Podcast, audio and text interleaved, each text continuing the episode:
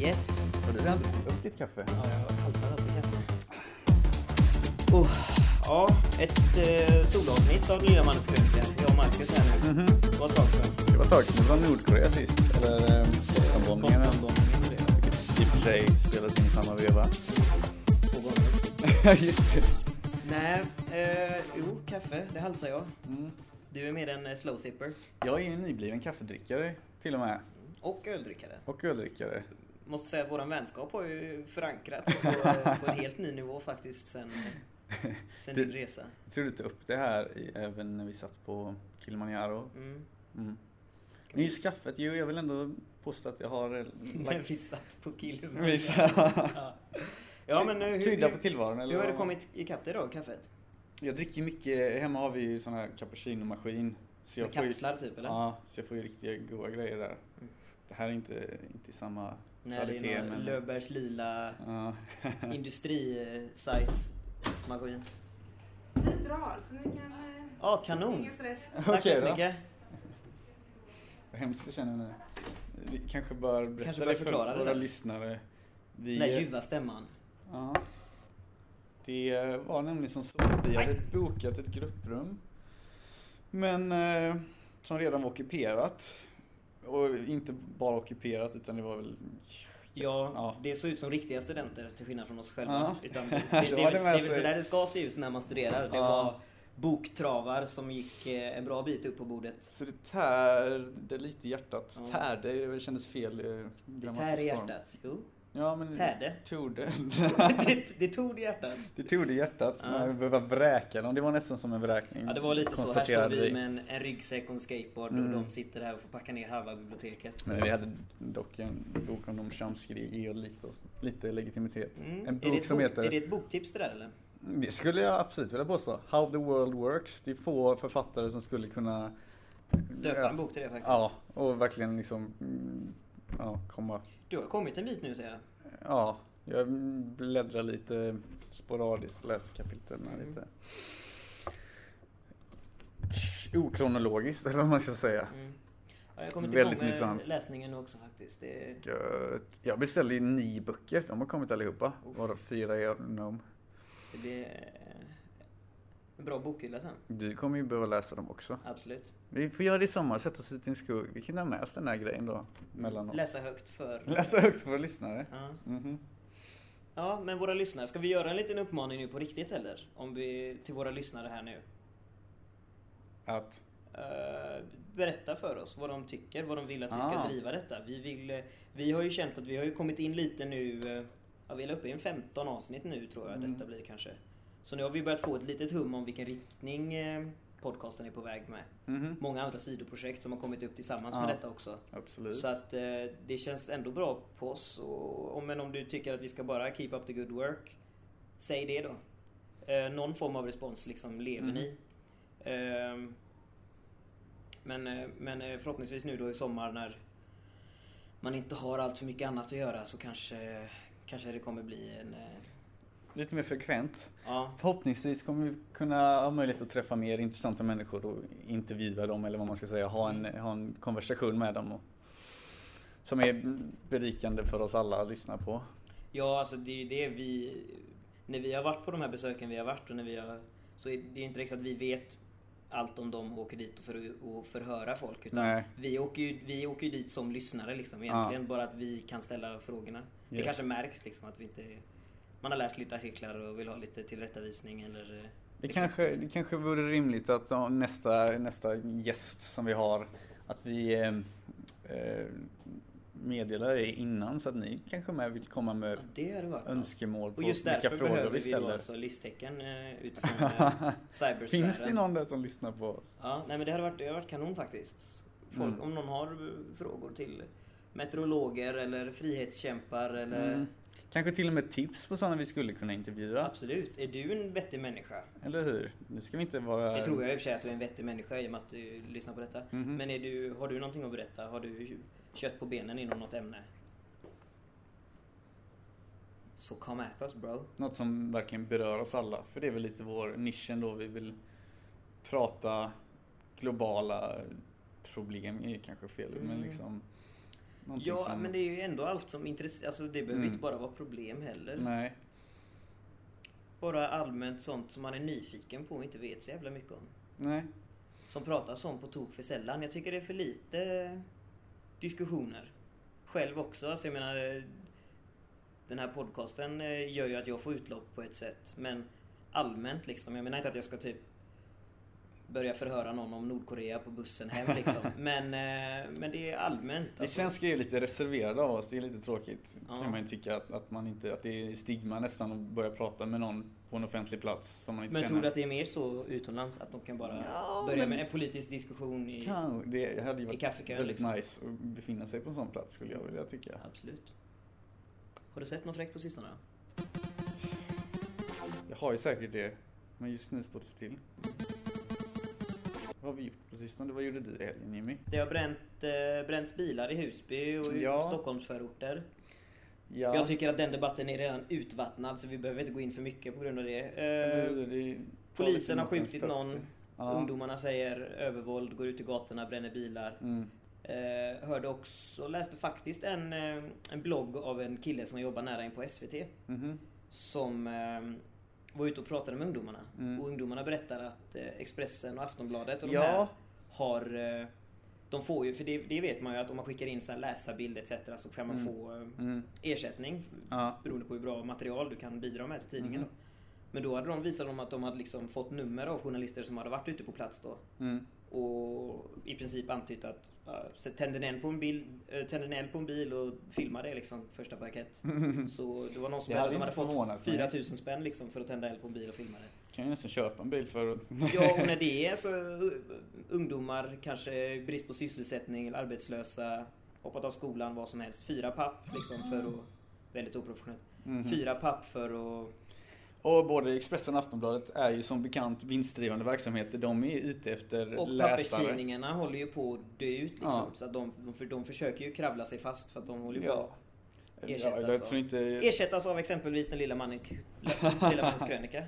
Jag tror ju på- på det här mediet faktiskt. Podcast och sånt. Det tror Vi jag har ju fått... på. Eh, ja, för att återknyta till eh, Boston-avsnittet där, smällka, Ja. smällka, smällkaramellsavsnittet.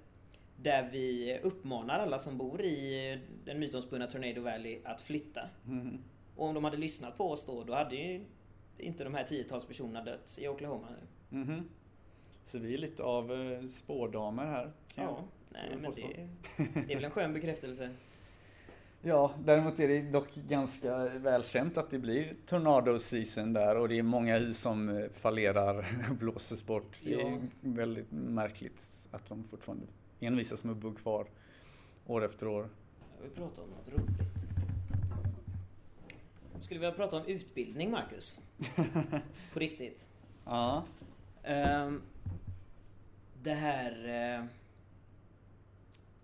det här med utbildning. Det här med utbildning. Alltså att, eh, att utbildning har blivit så tråkigt inom de här institutionella ramarna vi har satt De upp. doktrinära strukturerna. Ja, alltså det, det låter väl som att vi bara snackar goja nu med stora ord, men det är på riktigt alltså. Mm. För, ut, för det är först nu, jag har alltid varit skoltrött, alltid Mm.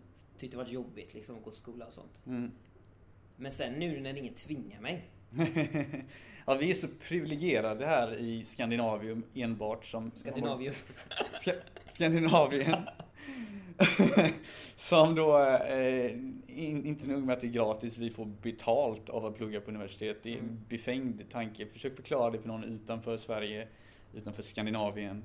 Att eh, nej, det är inte bara gratis, vi får tillräckligt för att leva på i månaden. Ah, fast vi kan, vi skulle ju kunna leva på de tre. Skulle kunna. Så det är egentligen... Jag funderar på tälta i sommar. Ja, men det ska vi göra i Castle Forest. Ja just det, Castle Forest. Ja, ta kontakt med han. Ehm, nej men alltså utbildning, alltså nu när ingen tvingar mig. Alltså just att, att och så tror jag med internet också.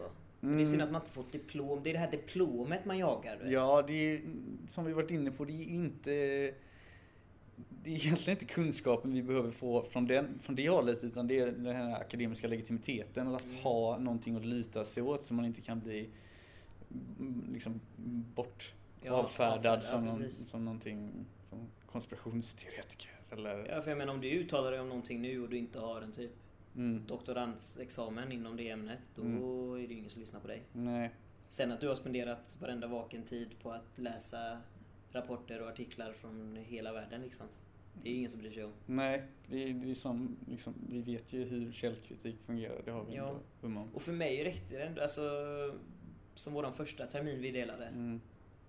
900 sidor eh, ekonomisk utveckling. Mm. En bok eh, som är skriven eh, på universitet runt om i USA som Mm. heter Economic Development. Mm. Som eh, folk som läser diverse statsorienterade ämnen. Mm. Också nationalekonomi, civilekonomi, ju- juridik. Mm. De läser detta Företagsekonomi med, alltså. troligen. Företagsekonomi, allting. 900 sidor komplett om allt du behöver veta om ekonomisk utveckling.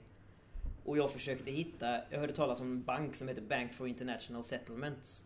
Som är Världsbanken, Euro- Europeiska centralbanken, IMF och Federal Reserves Centralbank. centralbank. Inte nog med de 50 mäktigaste eh, ekonomiska staterna så att säga, de mest inflytelserika finans...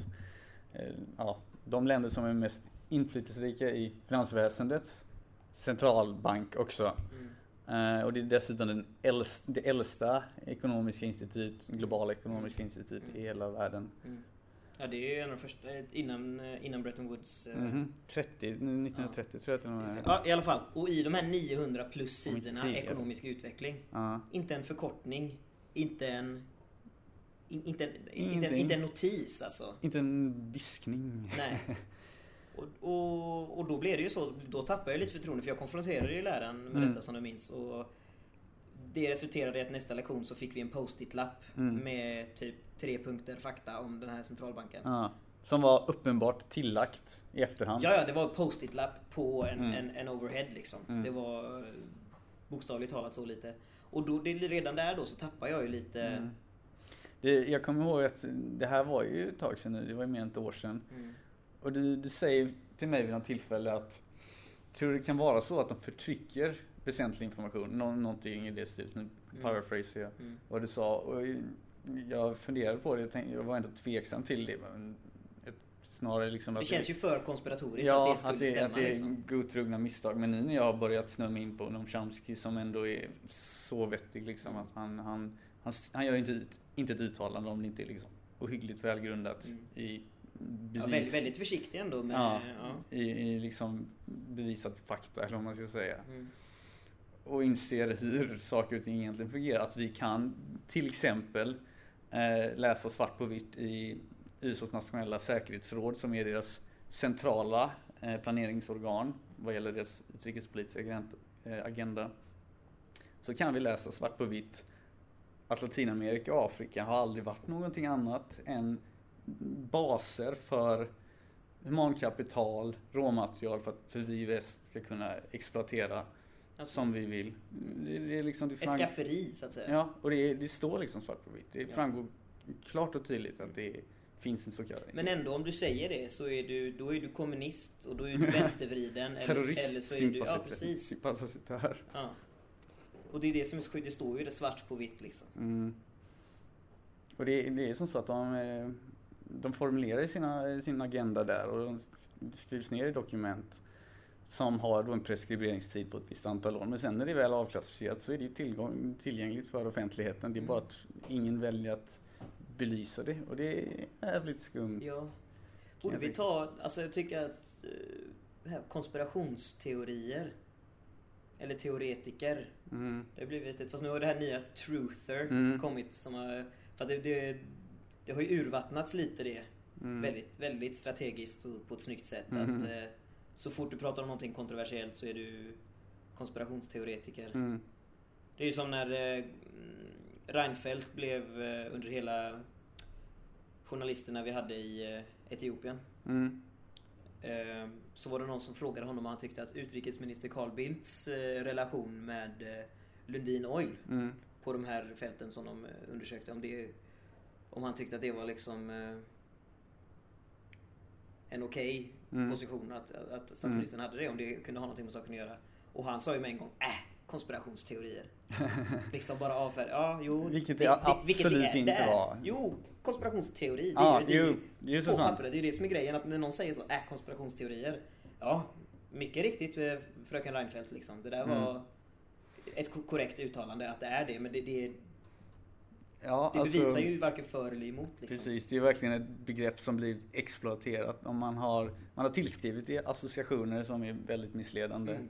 Eh, För en konspirationsteori, det är alltså en teori att en konspiration har ägt Och en rum. konspiration är ju något typ av beslutsfattande Bakom- bakom, det offentliga rummet så att säga. Ja.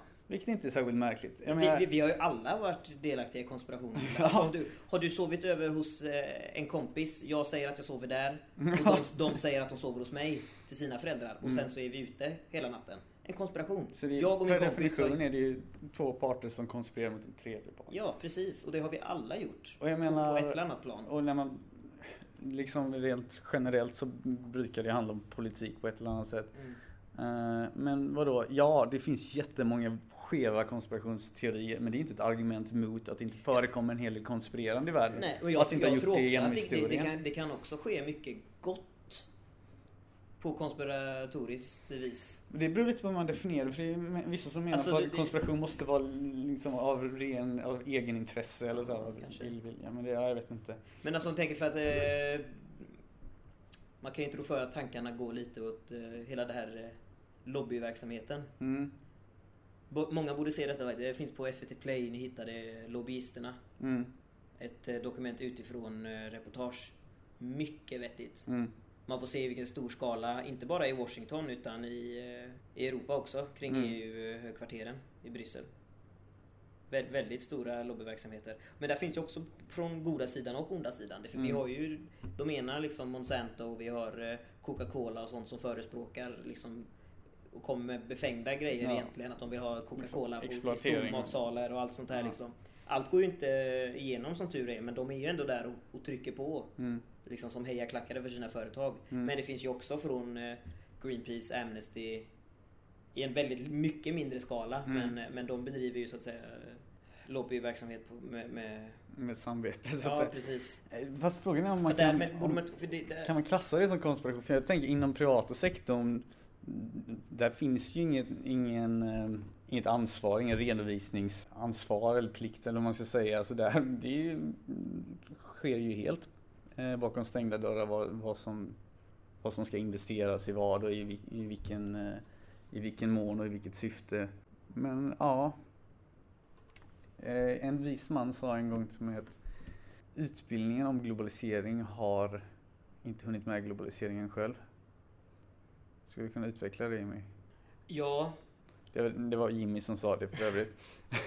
det tog ett tag innan jag fattade att det var jag som hade sagt det faktiskt. Jo men det var ju när jag studerade hela den här eh, Ja, det var ju som så vi, den litteraturen vi hade tillskriven till den kursen var ju från 90-talet på riktigt. Vi hade en bok från 90, jag tror det var 90 och en Ja, bok från 90. 99. mm. Och den här tentan vi då gjorde, examinationen var vi skulle analysera två texter från början av 2000-talet som behandlade väldigt irrelevanta ämnen som redan var liksom överförlegade i sig. Som från början inte var ett så stort problem. Ja, jag tror, och jag, så tror, skulle vi analysera det utifrån den här litteraturen från 90-talet. Så det kändes...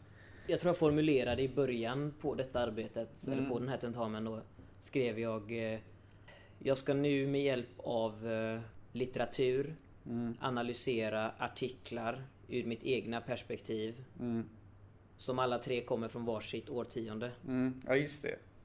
Så la du upp det. Ja, jag, jag kommer att jag, jag lämnade aldrig in min sån för jag blev ju så trött på det. Frustrerad. Men jag, jag skrev något sånt här att ehm, det lever 800 miljoner människor i Indien eh, lever under extrem fattigdom. För det var just Indien som var landet Mm. vi fokuserade på. Men ändå så ska vi prata om att de förbjuder jeans i skolor eller att det var en diskussion för tio år sedan. Och en, en subtil hänvisning till att Ja, och inte prata om eh, alltså klyftorna i Indien. Ja. är ju sjuka. Jag såg ett reportage igår. Eh, I Mumbais slum mm, så ser du, alltså de gick runt där och, och, och hela den slummen det finns ju verksamhet i, vare, i varenda hörn liksom. Alla Mm. sitter och syr någonting, alla Mm. sitter och borrar någonting, alla Mm. sitter och gör halsband och kapsyler och allt Ja. du kan tänka dig. Och hela verksamheten är 99% gjord på avfall och restprodukter Ja. från eliten i Mumbai. Mhm. Så om man från slummen ser de här alltså 27-vånings eh, höghusen Mm. som ägs av, alltså det, är- det är privatpersoner som har byggt varsin skyskrapa.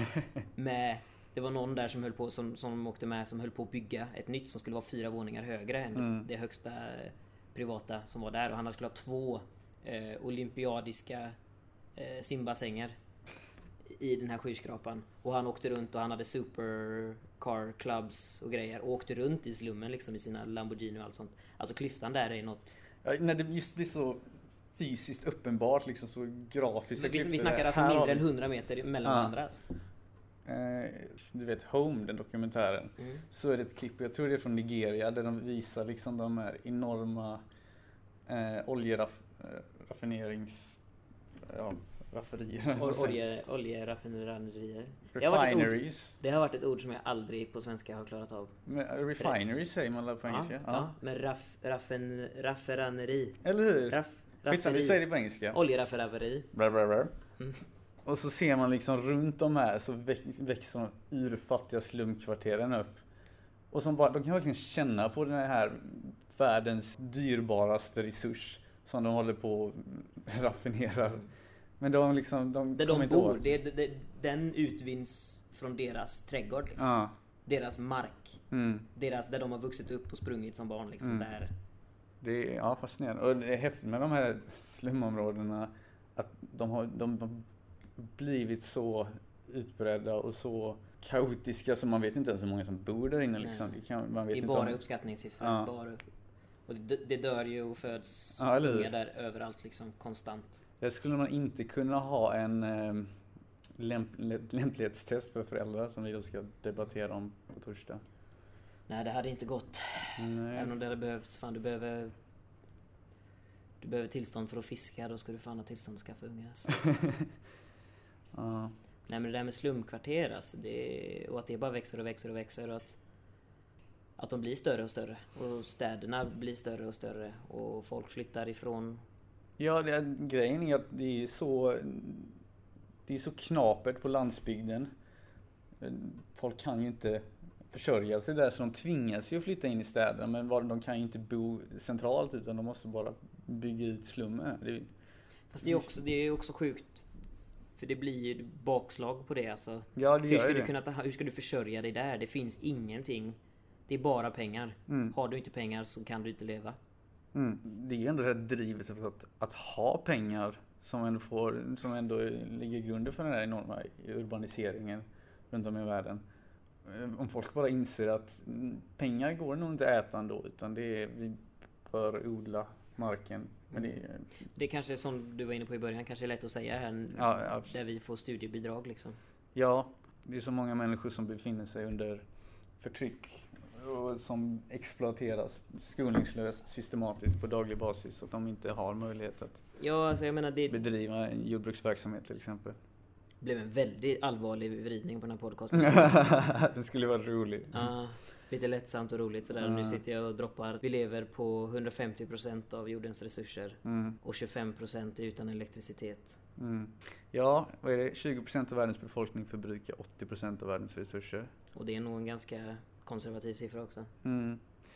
Ja, jo, man, man räknar ju, man säger ju att eh, ungefär 1% av världens befolkning äger nästan 50% av allt välstånd, det vill säga all förmögenhet, allt, la- alla, allt land, alla, alla tillgångar av olika slag. Men jag menar i praktiken så är det betydligt värre än så. Det är betydligt mindre människor som har Men alltså, och, och nu börjar det bli, alltså tur i oturen, men nu börjar det bli lite allvar. Nu kanske folk förstår. Alltså men kolla på Spanien. Mm, En eh, overall arbetslöshet på 30%. mm, 50% av eh, ungdomarna mm, är arbetslösa. 50, alltså hälften. Det finns många Ja, miljoner människor i Spanien alltså. mm. Det är, det är ett stort land alltså. Det är det. Och hälften av ungdomarna är utan jobb. Eh, Greg Pallas, den här nya journalisten som jag har börjat idolisera. Han skrev en artikel om, eh, om Var det den på Vice eller?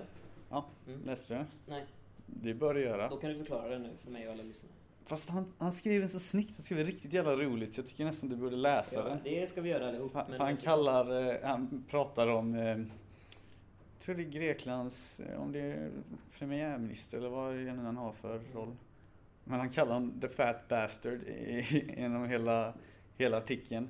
Och den här, den här tjommen då menar ju på att eh, det bör ske mer åtstramningar och alla som säger att det skulle vara, finnas några typ av eh, andra utländska intressen i Grekland är antingen kommunister, fascister eller konspirationsteoretiker.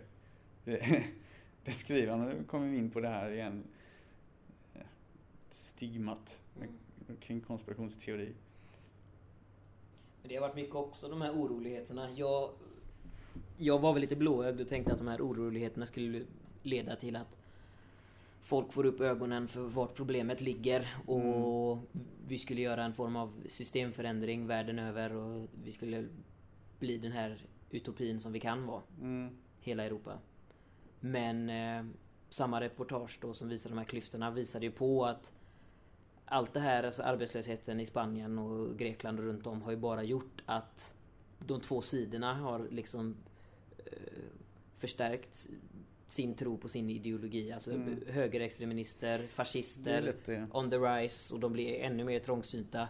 Och på andra sidan vänsterflanken och anarkisterna och allt det här Mm. har blivit också ännu mer trångsynta och att det är deras väg och ingen väg.